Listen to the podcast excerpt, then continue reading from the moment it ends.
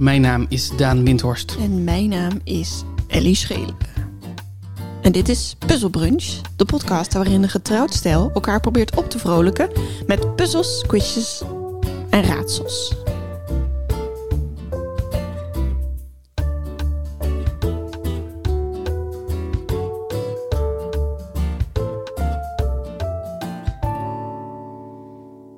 Goedemorgen, Daan Windhorst.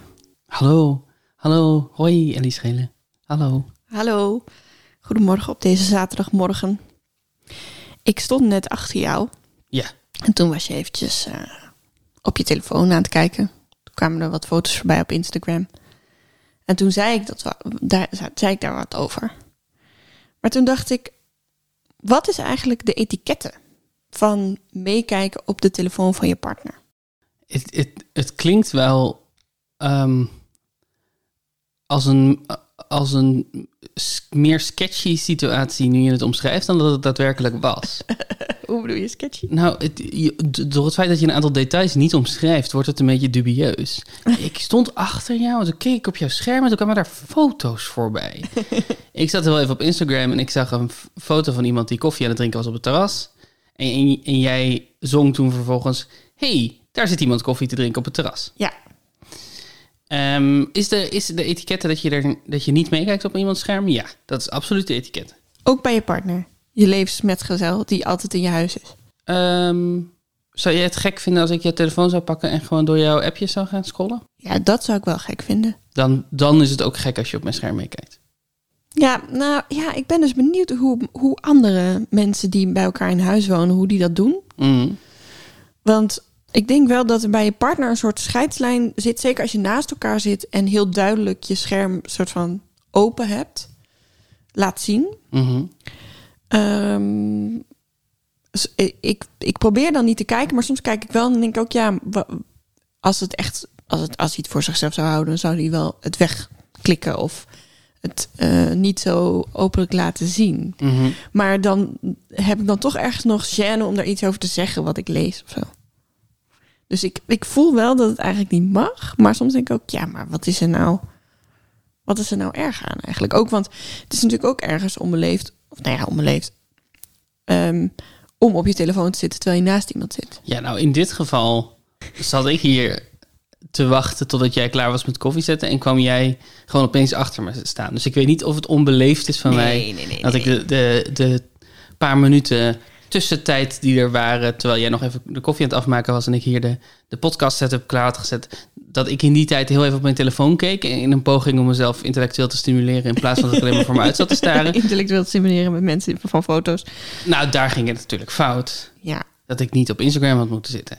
Maar ja, dat, eh, die fout maak ik wel vaker. ja. Ehm, ja, kijk, ik vind het nooit een probleem als je op mijn scherm meekijkt. Tenzij ik puzzelbrunchrondes aan het maken ben. Mhm. Omdat de- dat is het enige geheim wat ik voor jou heb. Dit is zo schattig. Dit is zo truttig en schattig tegelijk. Nee, ja, ik heb niet... Ik bedoel, het is, wel, het is natuurlijk zo dat ik... Ik voel niet de behoefte om alles wat op mijn telefoon gebeurt met jou te delen. Ik voel ook niet de behoefte om dat allemaal te weten. Nee, maar eh, dus ik, ik vind het niet een principieel bezwaar als jij iets op mijn scherm ziet, dat je er dan iets over zegt. Hm. Als in het is geen geheim. Maar het kan wel, eh, het, kan, het kan je wel zelf bewust maken bij het gebruik van je mobiele telefoon of zo.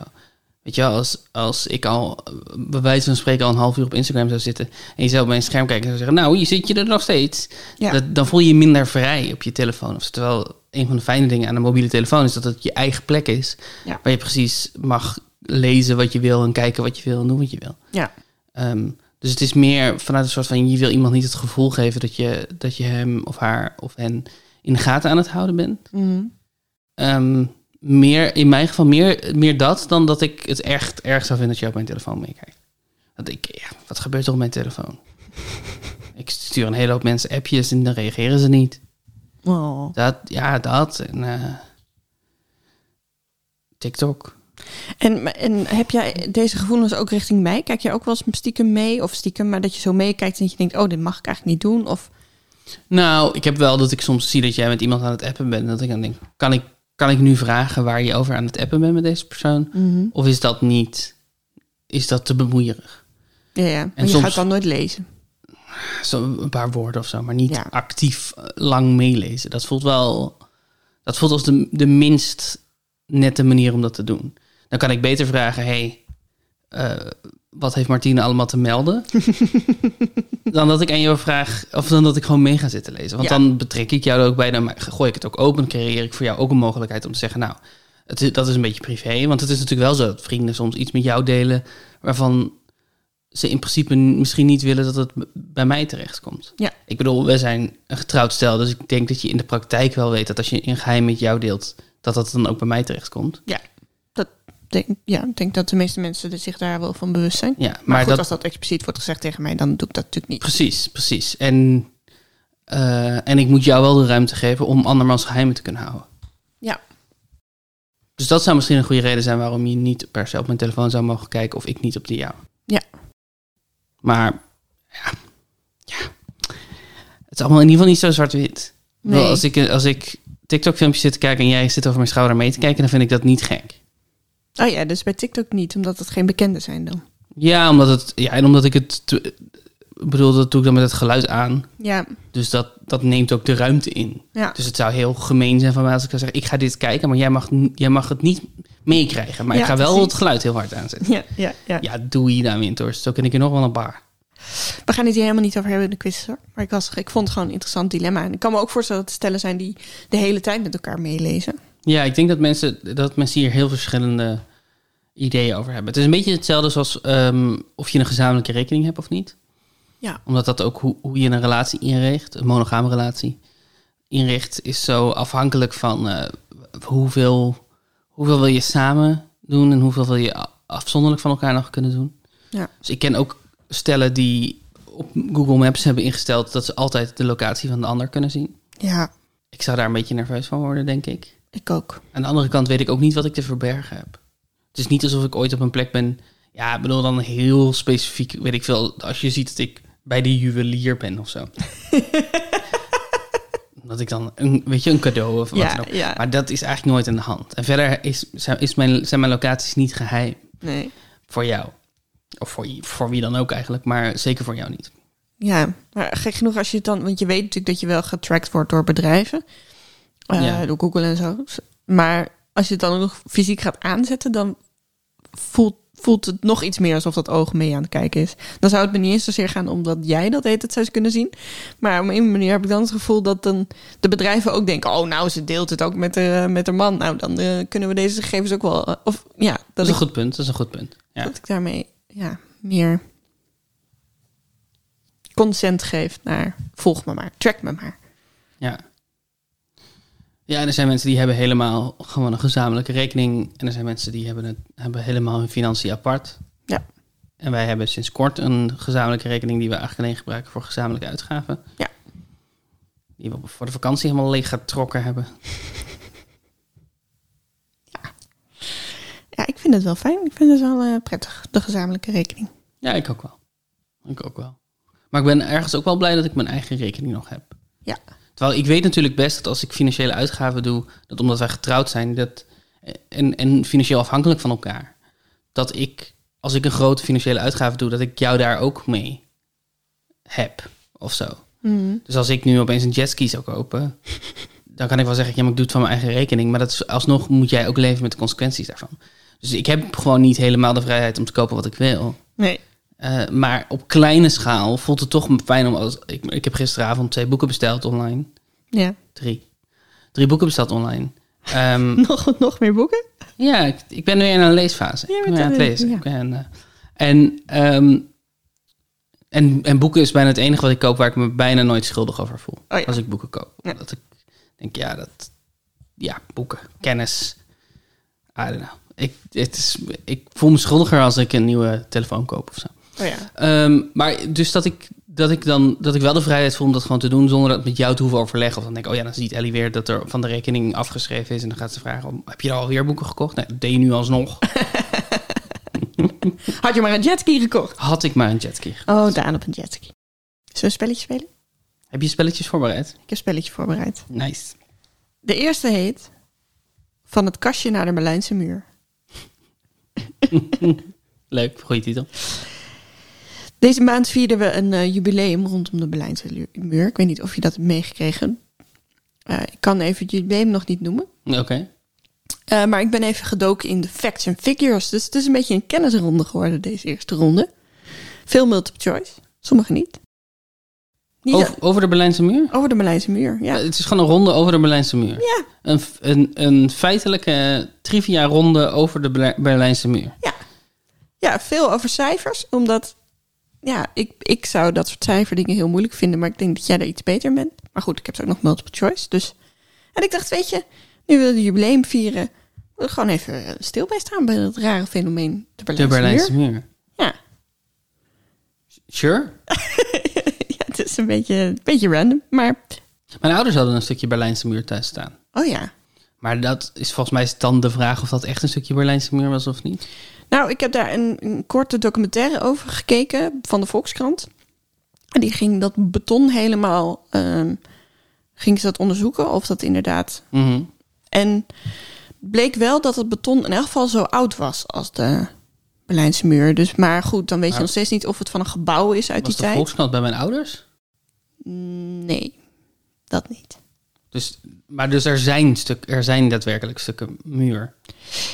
Nou ja, het was zeg maar ook zo'n souvenirstukje muur. Oh ja. Want dat kun je overal kopen in Berlijn. En, Ah. en de Volkskrant meneer die was benieuwd of dit dan echt was. Of dat het gewoon nieuw cement was gemengd. Maar het was in elk geval niet nieuw cement. is een oud stuk muur.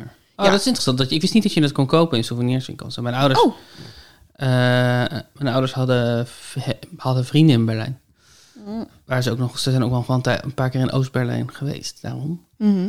Eh, dus ik heb dat altijd daaraan gekoppeld. Maar het zou best kunnen dat ze het gewoon alsnog in een souvenirzaak hebben gekocht. oh.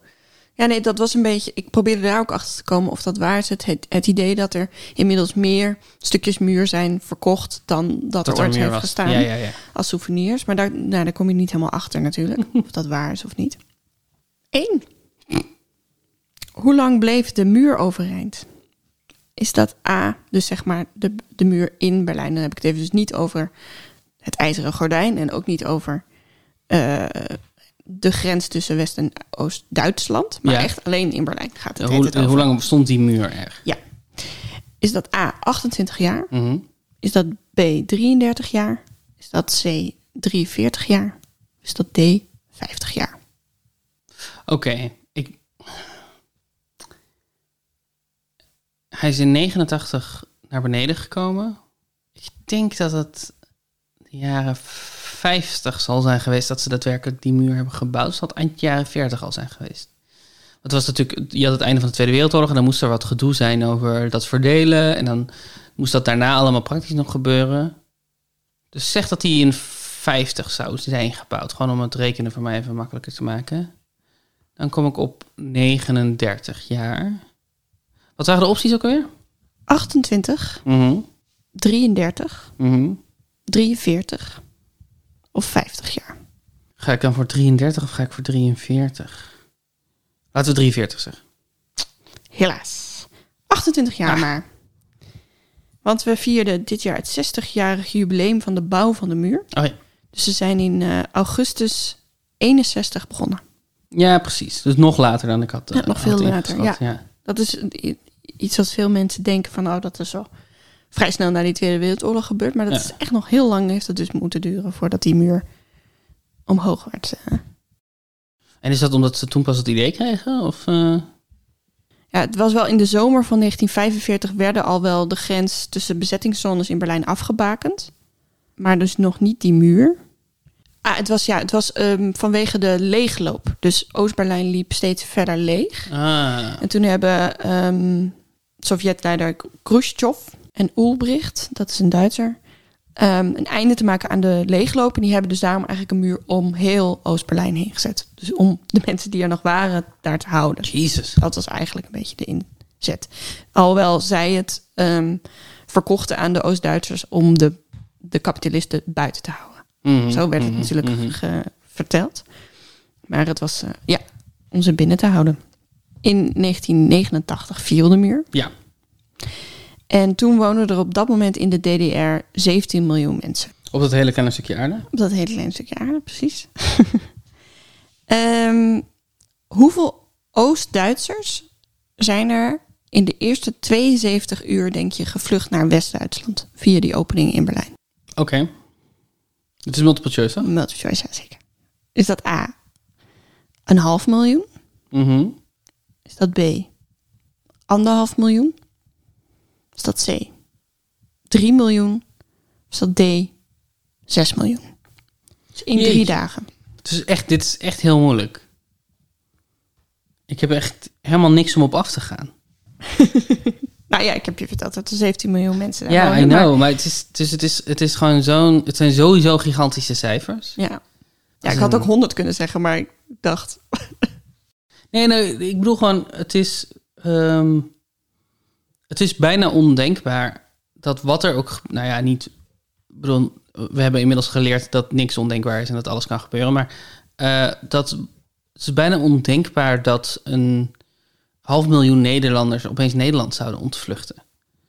Ehm, maar dat is ongeveer net zo ondenkbaar als dat 6 miljoen Nederlanders opeens Nederland zouden ontvluchten. Dus het, zit zo in dezelfde categorie van waanzinnig. Ja, Ehm, anderhalf.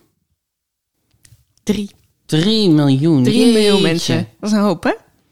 Dus ze hadden wel die muur nodig om ze binnen te halen. Dat is echt een flinke deuk ook in, in je land. Ja, Ik bedoel, het was natuurlijk sowieso een beetje de vraag of het nog een land was en wat er allemaal aan de hand was. Dus Mhm. ze hadden, maar je kan niet zomaar drie miljoen mensen kwijt zijn zonder dat dat consequenties of invloed heeft op je, op het, het, het dagelijkse Dagelijks reilen en leven, zeilen. Ja. Wat kreeg elke de Oost-Duitser als ze de grens overkwamen? Dat is ook een multiple choice. Mhm. Of weet je dit? Nee? Is dit A, een West-Duitse vlag? Is dat B, geld? Ongeveer 50 euro. Is dat C, een stuk zeep? Of is dat D, een warme jas? Ja.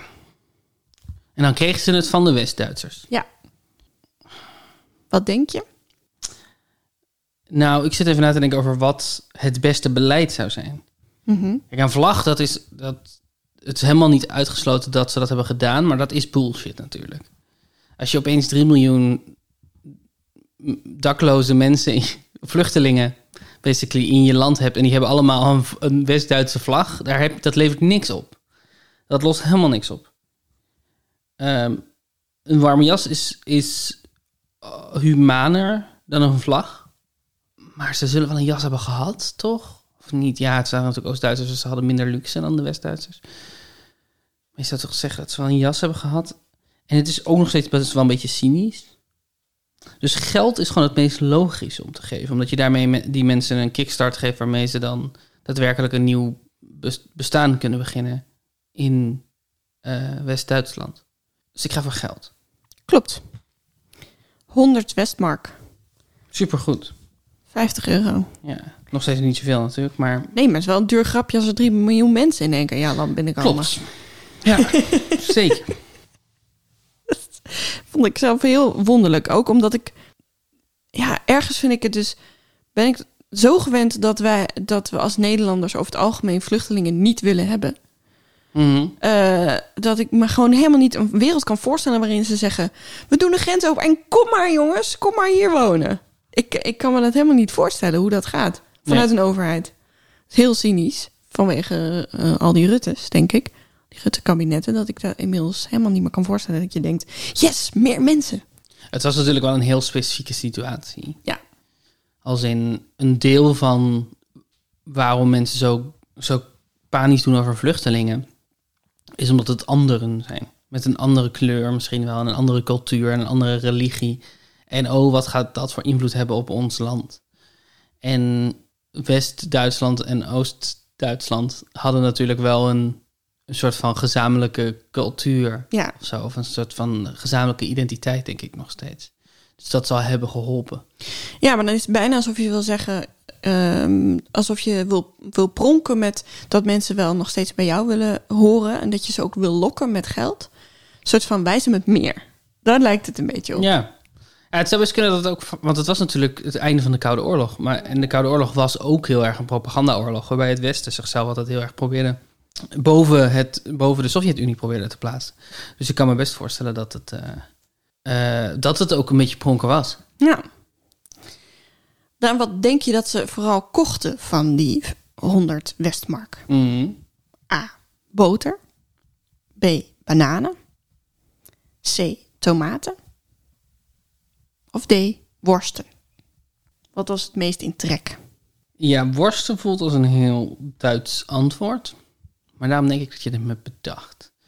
En ik denk ook dat als worsten het daadwerkelijke antwoord zou zijn, dat je andere opties dan niet bananen, tomaten en boter zouden zijn. Dan zou je daar gaan dingen, dingen zeggen zoals eh, biefstuk of zo, weet je, zoiets. Ik denk dat. Dus ik denk dat worsten het niet is. Ik weet het niet voor de duidelijkheid. Ik, ben, ik moet het allemaal deduceren.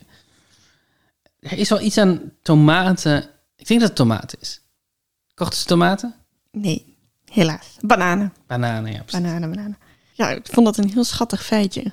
Ik ontdekte dus van de week dat het, het best verkochte product van Volkswagen geen auto is, maar een worst. Oh, dit zei je toen, ja. Ja. Dit is zo raar. Volkswagen heeft, is op een gegeven moment in zijn kantines curryworst gaan verkopen. En die deed het zo goed dat, die, dat ze die enorm veel hebben verkocht aan hun eh, werknemers. Maar ook, aan, eh, ook buiten de kantines kwam- was die op plekken te koop. En, en kon bij tankstations en weet ik veel wat, kon je gewoon een Volkswagen curryworst ehm, kopen. En nu gaan ze minderen in het maken van die curryworsten. Als in ze willen een gezonder dieet in de kantine, dus worden er geen curryworsten meer verkocht. Eh, en daar was de oude bondskanselier woedend over. Schreuder. Ah. Schreuder was daar woedend over. Dat, eh, want de, de worst is onderdeel van de Duitse cultuur. En, eh, maar dus meer dan, dan, dan auto's verkochten ze worsten. Het is natuurlijk ook, bedoel, het is een beetje een statistiek ding, want mensen kopen minder vaak in hun leven een auto dan een worst. Ja, ja. Dus eh, maar en wa- wat maakt Volkswagen nog meer, denk ik dan? Hebben ze nog meer etenswaren? Als volgens mij zijn een- het auto's en worsten. Is dat het? Volgens mij zijn het auto's en worsten. Wow. Zo random. Ja, ze maken ook een speciale ketchup voor bij de worst. Oké. Curry, curry ketchup. Met het Volkswagen Volks- logo erop. Volkswagen curry. Eh, dit is de enige... Nee, is het de enige? Ja, de enige niet multiple choice. Oh, om het nog wat makkelijker te maken. Hoe lang was de muur? En dat is dan alleen het stuk tussen West- en Oost-Berlijn. En je mag er vijf kilometer naast zitten. Heel moeilijk. Ja. Heel erg moeilijk. Ik denk dat hij niet zo lang is geweest. Denk ik. Zo groot is, is zo'n stad natuurlijk helemaal niet. Maar is dat je mag er vijf kilometer naast zitten? Maar mijn gok zou vijf zijn. Ik zeg acht kilometer. 43,7 kilometer. Een marathon. Ja. Wauw. Ja. Echt wel veel groter. Ja. Ja. Ja, ik had ook geen idee hoe moeilijk dit was. En ik kwam op een gegeven moment dus statistieken tegen van allemaal kilometers. Toen dacht ik, oh, ik heb het fout. Ik heb het fout. Die 43 kilometer, maar dat, die gaat dus inderdaad over dat stuk tussen Oost- en West-Berlijn. En die andere gingen Mm. Ja. allemaal over tussen Oost- en West-Duitsland of het IJzeren Gordijn of nou ja, al die andere stukjes. Best groot, ja. Ja, hè? En die muur Mhm. bestond eigenlijk uit twee muren. En daartussen, dus er was zeg maar één muur, dan een soort death strip. Ja. En dan nog een muur. Oh ja. Dus Ja. Is, maar hij was, was hij wel echt 43 kilometer lang of was hij, was hij 22 kilometer lang en waren er twee muren? Nee, hij zal wel echt 43 kilometer lang zijn. Dat geweest. denk ik, ja. Dat durf ik niet Maar je hebt gelijk inderdaad. Het was een, een, een west, westermuur, Ja. dan een, een stuk niemandsland en dan een stuk oostmuur. Ja. Ja. En wie of wat floreerde hier en heeft nu zijn eigen herdenkingstegeltjes? Zijn dat A, klaprozen? Zijn dat B, katten? Zijn dat C, klavertjes? Klavertjes 4. of zijn het D, konijnen? Oké. Klaprozen is Eerste Wereldoorlog. Bedoel, het zou best kunnen dat daar klaprozen groeiden, maar ik zou, het, ik zou verrast zijn als dat ook nog weer het symbool zou zijn van de, de muur. Katten kan. Klavertjes voelt te veel bedacht vanuit klavertjes 4, zoals je net zegt. Dat, dat is te, te bedacht. Ik zeg konijnen. Dat klopt. Dat klopt.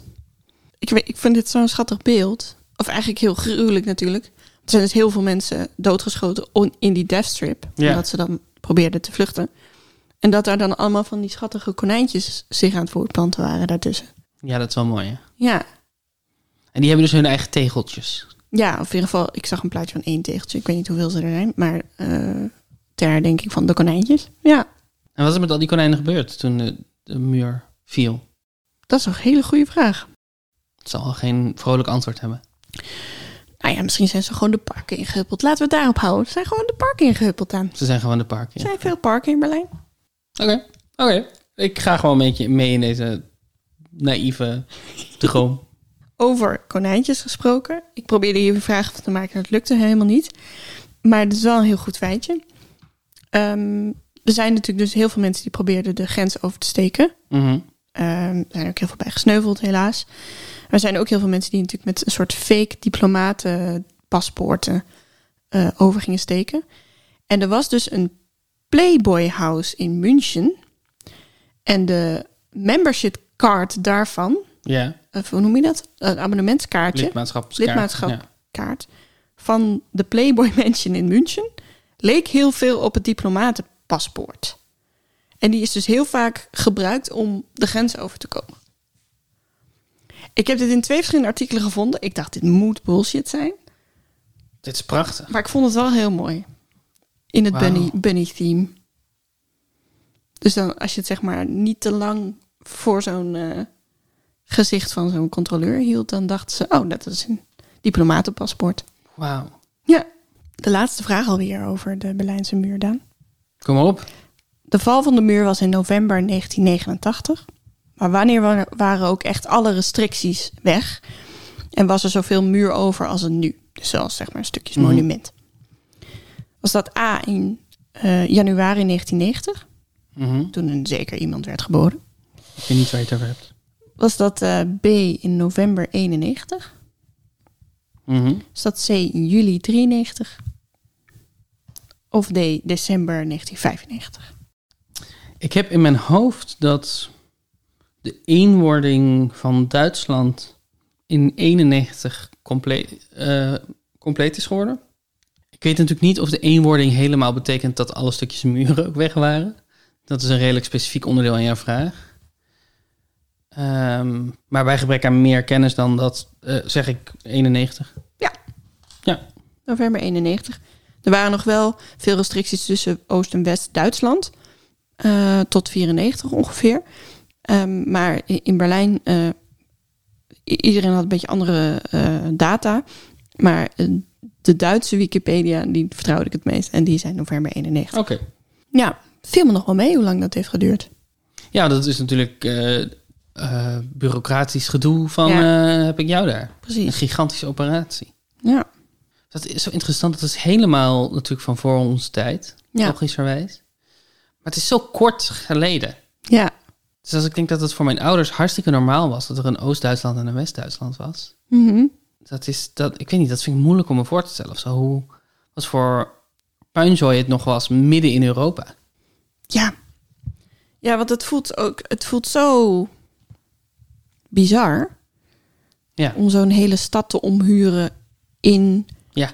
het oosten en dan zo'n stukje west. Zo raar. Zo raar. Ik heb nog een spelletje bedacht. Ja. En die slaat nog minder ergens op dan deze Berlijnse muur. Leuk. Maar ik, volgens mij is het wel geinig. Het heet Verkeerd Gecast. Het heet verkeerd gecast. Ja, en het komt een beetje omdat wij laatst hadden over... ik hou zo van casten. En ik ben altijd ehm, overmoedig in dat ik denk dat ik een goede caster ben. Ja. Dat ik denk dat ik een goede matchmaker ben. Daar hadden we het toen over. Mhm. Ehm, dus ik heb nu een, eh, een werk gecast. En ik eh, zeg voor welke rol ik wie heb gecast. Alleen de naam heb ik het zeg maar het tegenovergestelde van gemaakt eh, van wat de naam is. En ik heb dat heel breed opgevat. Dus het is een talige eh, quiz. En ik noem steeds, in die rol heb ik die en die gecast. En een paar hintjes over wat voor persoon dat dan is. En nou ja, de naam is dan het tegenovergestelde van wat de echte naam is. En dat kan je op allerlei verschillende manieren invullen. Leuk, leuk, leuk, leuk. Het is in geval nooit gerijmd. En aan het einde kan je een extra punt verdienen als je weet over welk werk dit gaat. Oké. Dus je moet de rollen ook een beetje bijhouden. Ja, dat is goed. Oké. Leuk. Dit verhaal begint met het huwelijk tussen hertog Theseus en de Amazone-koningin Hippolyta. Mhm. En voor de iets wat arrogante, wat oudere, rijke Theseus heb ik Bes Belgen gecast. Bes met dubbel S en Belgen. Je bedoelt Porgy Fransen. Ik bedoel Porgy Fransen. Eh, want Porgy en Bess Ja. is een opera. Ja, en zo heet zijn tweelingzus ook. Echt waar? Ja, ze ze Porgy en Bess. Ja, ze zijn vernoemd naar Porgy en Bes. Hoepidi doepidi. Eh, en hij heet Fransen, maar Fransen zijn het tegenovergestelde van Belgen. Ja, ja. Dus nou, je voelt... ja, ja, zeker. Het kan alle kanten op met wat dit is tegenovergesteld. Die Amazone-koningin, Hippolyta, daar had ik moord, windenergie voor bedacht. Oké, dus als je bij mm, Rick en Morty eh, Y weghaalt aan de ene kant, maar neerzet bij de ander, dan krijg je dus moord wordt dan Ricky. En windenergie, het tegenovergestelde van windenergie, is het supervervuilende kool. En dan krijg je Ricky Kolen. Jazeker, jazeker. Best een onbekende actrice. Nou, Ik bedoel, sorry, dit klonk alsof ik als een dis naar Ricky, zo bedoel ik het helemaal niet. Maar het is, ik vind, het- ik denk dat het een, eh, ik denk dat veel mensen er nu aan het googelen zijn. dat zou kunnen, maar ik denk wel dat als zij eh, gaat scheiden met haar man, dat het wel op nu.nl staat. Mm, Ik weet niet of ze een man heeft. een, een achterklap type. Zo groot is ze wel. Het zit in veel, veel series, Nederlandse series. Drie. Ja, Lysander heb ik nog niet gecast, maar Hermia, die verliefd is op zijn Lysander, dat leek me een mooie rol voor Elsa Zinker. eh, Eén koppertje. zeker, want Elsa en Anna zijn de twee dames uit de zussen uit Frozen.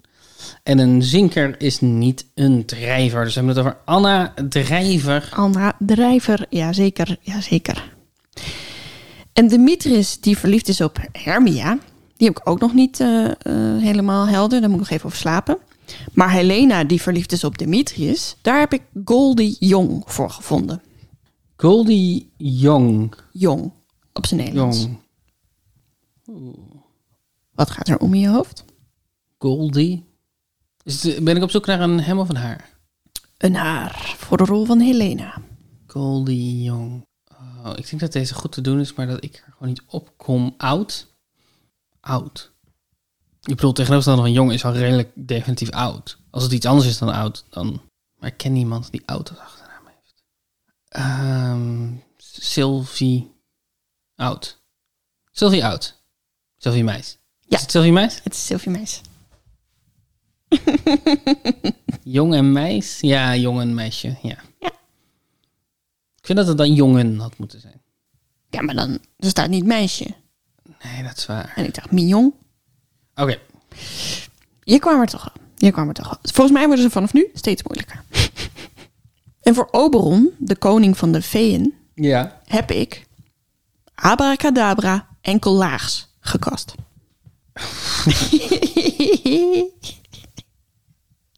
ik heb hier zelf erg veel lol mee gehad. Abracadabra. Enkel laags. Dubbel. Fred dubbel. Ik weet het niet. Ik weet het niet. Abracadabra. Hocus pocus. Pilatus. Er heet niemand Pilatus. Ja, er heet wel iemand Pilatus, maar... Nee, ik weet het niet. Hup, hup, hup. Stapel. Abracadabra. Hup. Hup, hup, hup, Barbara truc. En, en, wat jou betreft is het tegenovergestelde van abracadabra... hey, maar je zat dat dus ook in de hocus pocus hoek. is, is hup baba truc. ik weet het niet, Ellie. Ja, maar goed, Elsa is ook niet het tegenovergestelde van Anna. Nee, maar dat is wel heel duidelijk een soort van twee kanten van dezelfde munt. En Als je zegt, ja, je hebt natuurlijk de twee grote toverspreuken in de wereld, abracadabra en hup hup baba truc. Die, de toverspreuk die alleen maar gebruikt wordt in deze ene 50 jaar oude tekenfilmserie. Verder. Ik, ik weet het niet. Maar, ik dacht, misschien kom je er met stapel. En dat je dan denkt, hup. Nou ja, weet je. Ik zei het, vanaf nu worden ze moeilijker. Oké. Zijn vrouw, de koningin van de veeën, Titania. Daar heb ik eh, die vrouw niet van Nimwegen, maar Doeistoot voor gevraagd. Niet van Nimwegen? Mhm. Dat is gewoon een hint. Dat is geen tegenovergestelde. Maar het is gewoon doeistoot. Mhm. Hoe is het tegenovergestelde van doeistoot? Ja. Slag? Stoot en slag? Doei, hoi, hooislag. Heeslag. Zeeslag? En als je denkt aan Van Nimwegen? Marieke? Heeslag. Hagelslag. Marieke Hagelslag. Marieke Slag. Room. Marieke Het is niet slag. Botervloot. Mm, mm, Wat is een stoot nog meer? een, een hunk. Stoot en hunk. Hoi hunk. Hey hunk. Marieke hey hunk? Je bent er bijna. Hij, hey, hè? Ik, ik, ik, het lijkt op geen enkele naam die ik ooit in mijn leven heb gehoord. Hoezo, ik ben er bijna. Je hebt er zelf bijna een keer gecast voor iets. Hebink. Ja. Wie is dat?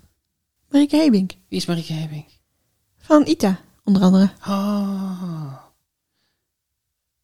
Zit niet in mijn systeem. Nee? Marieke Hebink. Marieke Hebink. Heeft een keer de, die eh, Theodor gewonnen. Of is dat de Theodor? Ik weet het niet. We hebben allemaal een keer een theaterprijs gewonnen. Kom. Oh, heb jij een Theodor? Nee, ik niet. Maar jij ik- een Theodor? Nee, ik heb geen oor. Puck is dan natuurlijk voor de grappige actrice met haar droge humorstijl. Mijlen gobo's. Mijlen Ja, gobo. gobo's. Ja, nu is het amper nog tegenovergestelde. Nu is het gewoon iets anders in de categorie. Gobo's? Als in het theater ligt? Mhm. Spot. Mijlen. Kilometers? Meters. Is het Meters Spot? is het de beroemde actrice Meters Spot? Grappige actrice. Het zijn allemaal Nederlanders trouwens. Hè? Grappige actrice met droge humorstijl. Mijlen gobo's. Groot licht? Voetlicht? Ik weet het niet. Ik weet het niet. Deze ronde verdwijnt een beetje in zichzelf. Ellen Parren. Oh! Ellen als in de oude lengtemaat L. En de oude lengtemaat mijl. En eh, Parren, want een barretje is een theaterlicht. Ja, hij klopt gewoon helemaal. Nou ja, kloppen, kloppen. Ja, gobo's en parren zijn inderdaad theaterlampen. Iets wat niemand weet. Ellen Parren. Wel een komische actrice met een droog, eigen droge stijl. Ja, toch? Dat zou ik zeggen. En dan hebben we nog wat clowns. Zoals Nick Bottom. En daarvoor ben ik heel blij dat ik mannelijke komiek, Hetty van Kosten, zover heb gekregen. Hetty Van Kosten, maar we, we zoeken een man. Kostum? Kost, Kosten, kosten. ja. Kosten een baten? Kosten en... Iets kost iets of iets levert iets op, of, op van opleveren? Je denkt op de goede manier. Winst? Hetty, zeg je. Mhm. Hetty. Wat is het tegenovergestelde van Hetty? Wat is het tegenovergestelde van Hetty? Hetty niet. Zie je een Hetty voor je? Heb je een beeld bij een, een Hetty? Het enige wat mijn hoofd schreeuwt is Hetty Huisman. En ik kan het niet stoppen. Dat is niet hoe, hoe die man heet. Hetty... Nee, ik ken geen Hetties. Hmm. Hetty... Hetty Drankkop of wat? Ehm Hetty... Kosten, Batum... Nee. Nee, kom maar niet uit. Henry van Loon. Loon. Wie zijn Hetty en Henry? De stofzuigers. Dus De stofzuiger Henry, ja, Henry een- Hoover. precies, die heeft een vrouwelijke counterpart, die heet Hetty. Ik dacht dat je dat misschien wel dacht, wist, weet ik niet. Dacht je echt dat ik dat misschien wel wist? Nou ja, ik dacht vooral, je komt bij Loon en dan... En Hetty lijkt ook best wel op Henry. Oké. Oké. Mhm. Hetty, de stofzuiger. Ja. Ehm. laatste. Naast hem eh, de clown Peter Quince. Die met zijn lange, dunne gestalte altijd al de lach aan zijn kont heeft hangen. Risicoreich Terp.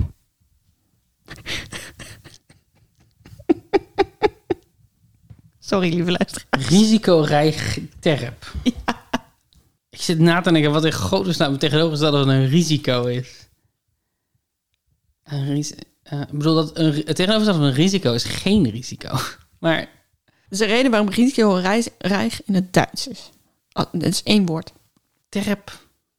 Een terp is een heuvel waar een Fries een boer op heeft. Nee, een terp is een heuvel waar een Friese boer een boerderij op heeft gebouwd. Dat is een terp. Dus het tegenovergestelde daarvan is een kuil. Of een meer. Of een polder. Of een... Ik was eigenlijk op zoek naar iets langwerpigs heuvelachtigs. En ik dacht, volgens mij zijn terpen vaak langwerpig. Het is een langwerpige heuvel. Wat bedoel je met langwerpen? Dat hij niet, niet één heuveltje is, maar dat hij zeg maar lang is en weg. Dus ik zou ook dijk kunnen zeggen, maar ik dacht dan ben je te ver weg van de... Wacht, wacht, wacht, wacht. Lang, een langwerper, ik, langwerpige heuvel is een van de abstractste dingen die ik ooit heb gehoord. En je bedoelt daarmee niet dat die lang is, maar dat die breed is, zeg je net. Ehm, ja, dat is een beetje hoe je er naar kijkt. ja, je zou ook breed kunnen zeggen, ja. Maar een dunne, lange heuvel. Ja, of een dunne, brede heuvel. Als een dijk. Ik had ook dijk kunnen zeggen. Risicorijk dijk. Oké. En dus het tegenovergestelde daarvan is een... Oké, je zegt dunne, brede... En je hebt een dunne, brede heuvel. Wat is het tegenovergestelde van een dunne, brede heuvel? Is een...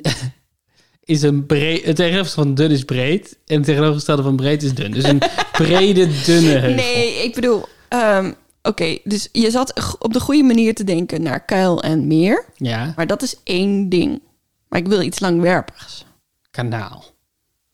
Die kant op, ja. Risicorijk terp. Lange dunne gestalte heeft hij altijd al de lach aan zijn kont hangen. Het is wel een clownerig type. Hij is ook kaal. Ton Kas. Een kas is echt niet het tegenovergestelde van een... Eh, ah, ik heb geen idee hoe je van risicorijk bij Sieger komt. Maar dit is denk ik Siegersloot. Dit is absoluut Siegersloot. Je me er wel veel hints voor moeten geven. Nou, maar dat is niet erg, want Hoe, hoe, hoe kom ik van risicorijk? Siegen. Zeker. In het Duits. Tegenovergestelde van zeker is onzeker. Maar om nou onzeker te zeggen, dan dan ben je er wel snel. Dus heb ik gezocht naar synoniemen van onzeker. En dat is onder andere risicorijk. Oh, wat risicorijk is wel... Ik dacht dat het risico was en dan het woord rijk als in rijk. Duitse rijk, derde rijk. Nee, ik zei het is één woord, risicorijk. Nee, ja, maar ik dacht het is het rijk van de risico's. Ah, ja, ja, ja. Maar het is rijk aan risico's. Ja, Wauw. Wauw. ik zou zeggen dat het een is. Dat klopt. Ja. Dat klopt helemaal. Wat gaf hem weg? Nou, de- dat het de rollen zijn uit de midzomernachtstroom, vooral. Maar herken je al die rollen? Nou, ik moet wel zeggen ik, dat ik een beetje was vergeten dat daar ook een hele hoop eh, Griekse mythologische namen in zitten. Dus Theseus en Lysander, dat zette me eerst op dat, ik, dat we bezig waren met de, en Helena, dat we bezig waren met de, de Trojaanse oorlogen of zo. Mhm. Ehm, maar Oberon en Titania en Puck heb ik wel helder als Oh, dat ja. komt uit uh, Midzomernachtstroom. Ik moet zeggen dat ik alleen maar een puk had. Als herkenning. En Lisander ook wel. Dat deed wel een belletje bij me rinkelen. Maar ja, dat heb je helemaal goed. Hoeveel punten heb jij eh, verdiend deze rondes bij elkaar? Ik heb in de eerste ronde drie punten verdiend. Oké, Ik heb in de tweede ronde zeven punten verdiend. oké. Dus ik heb in totaal 10 punten verdiend. Nice. Je stond op 70. Dus ik sta nu op 80. Dus heb je nu op 80. Dus ik heb jou ingehaald.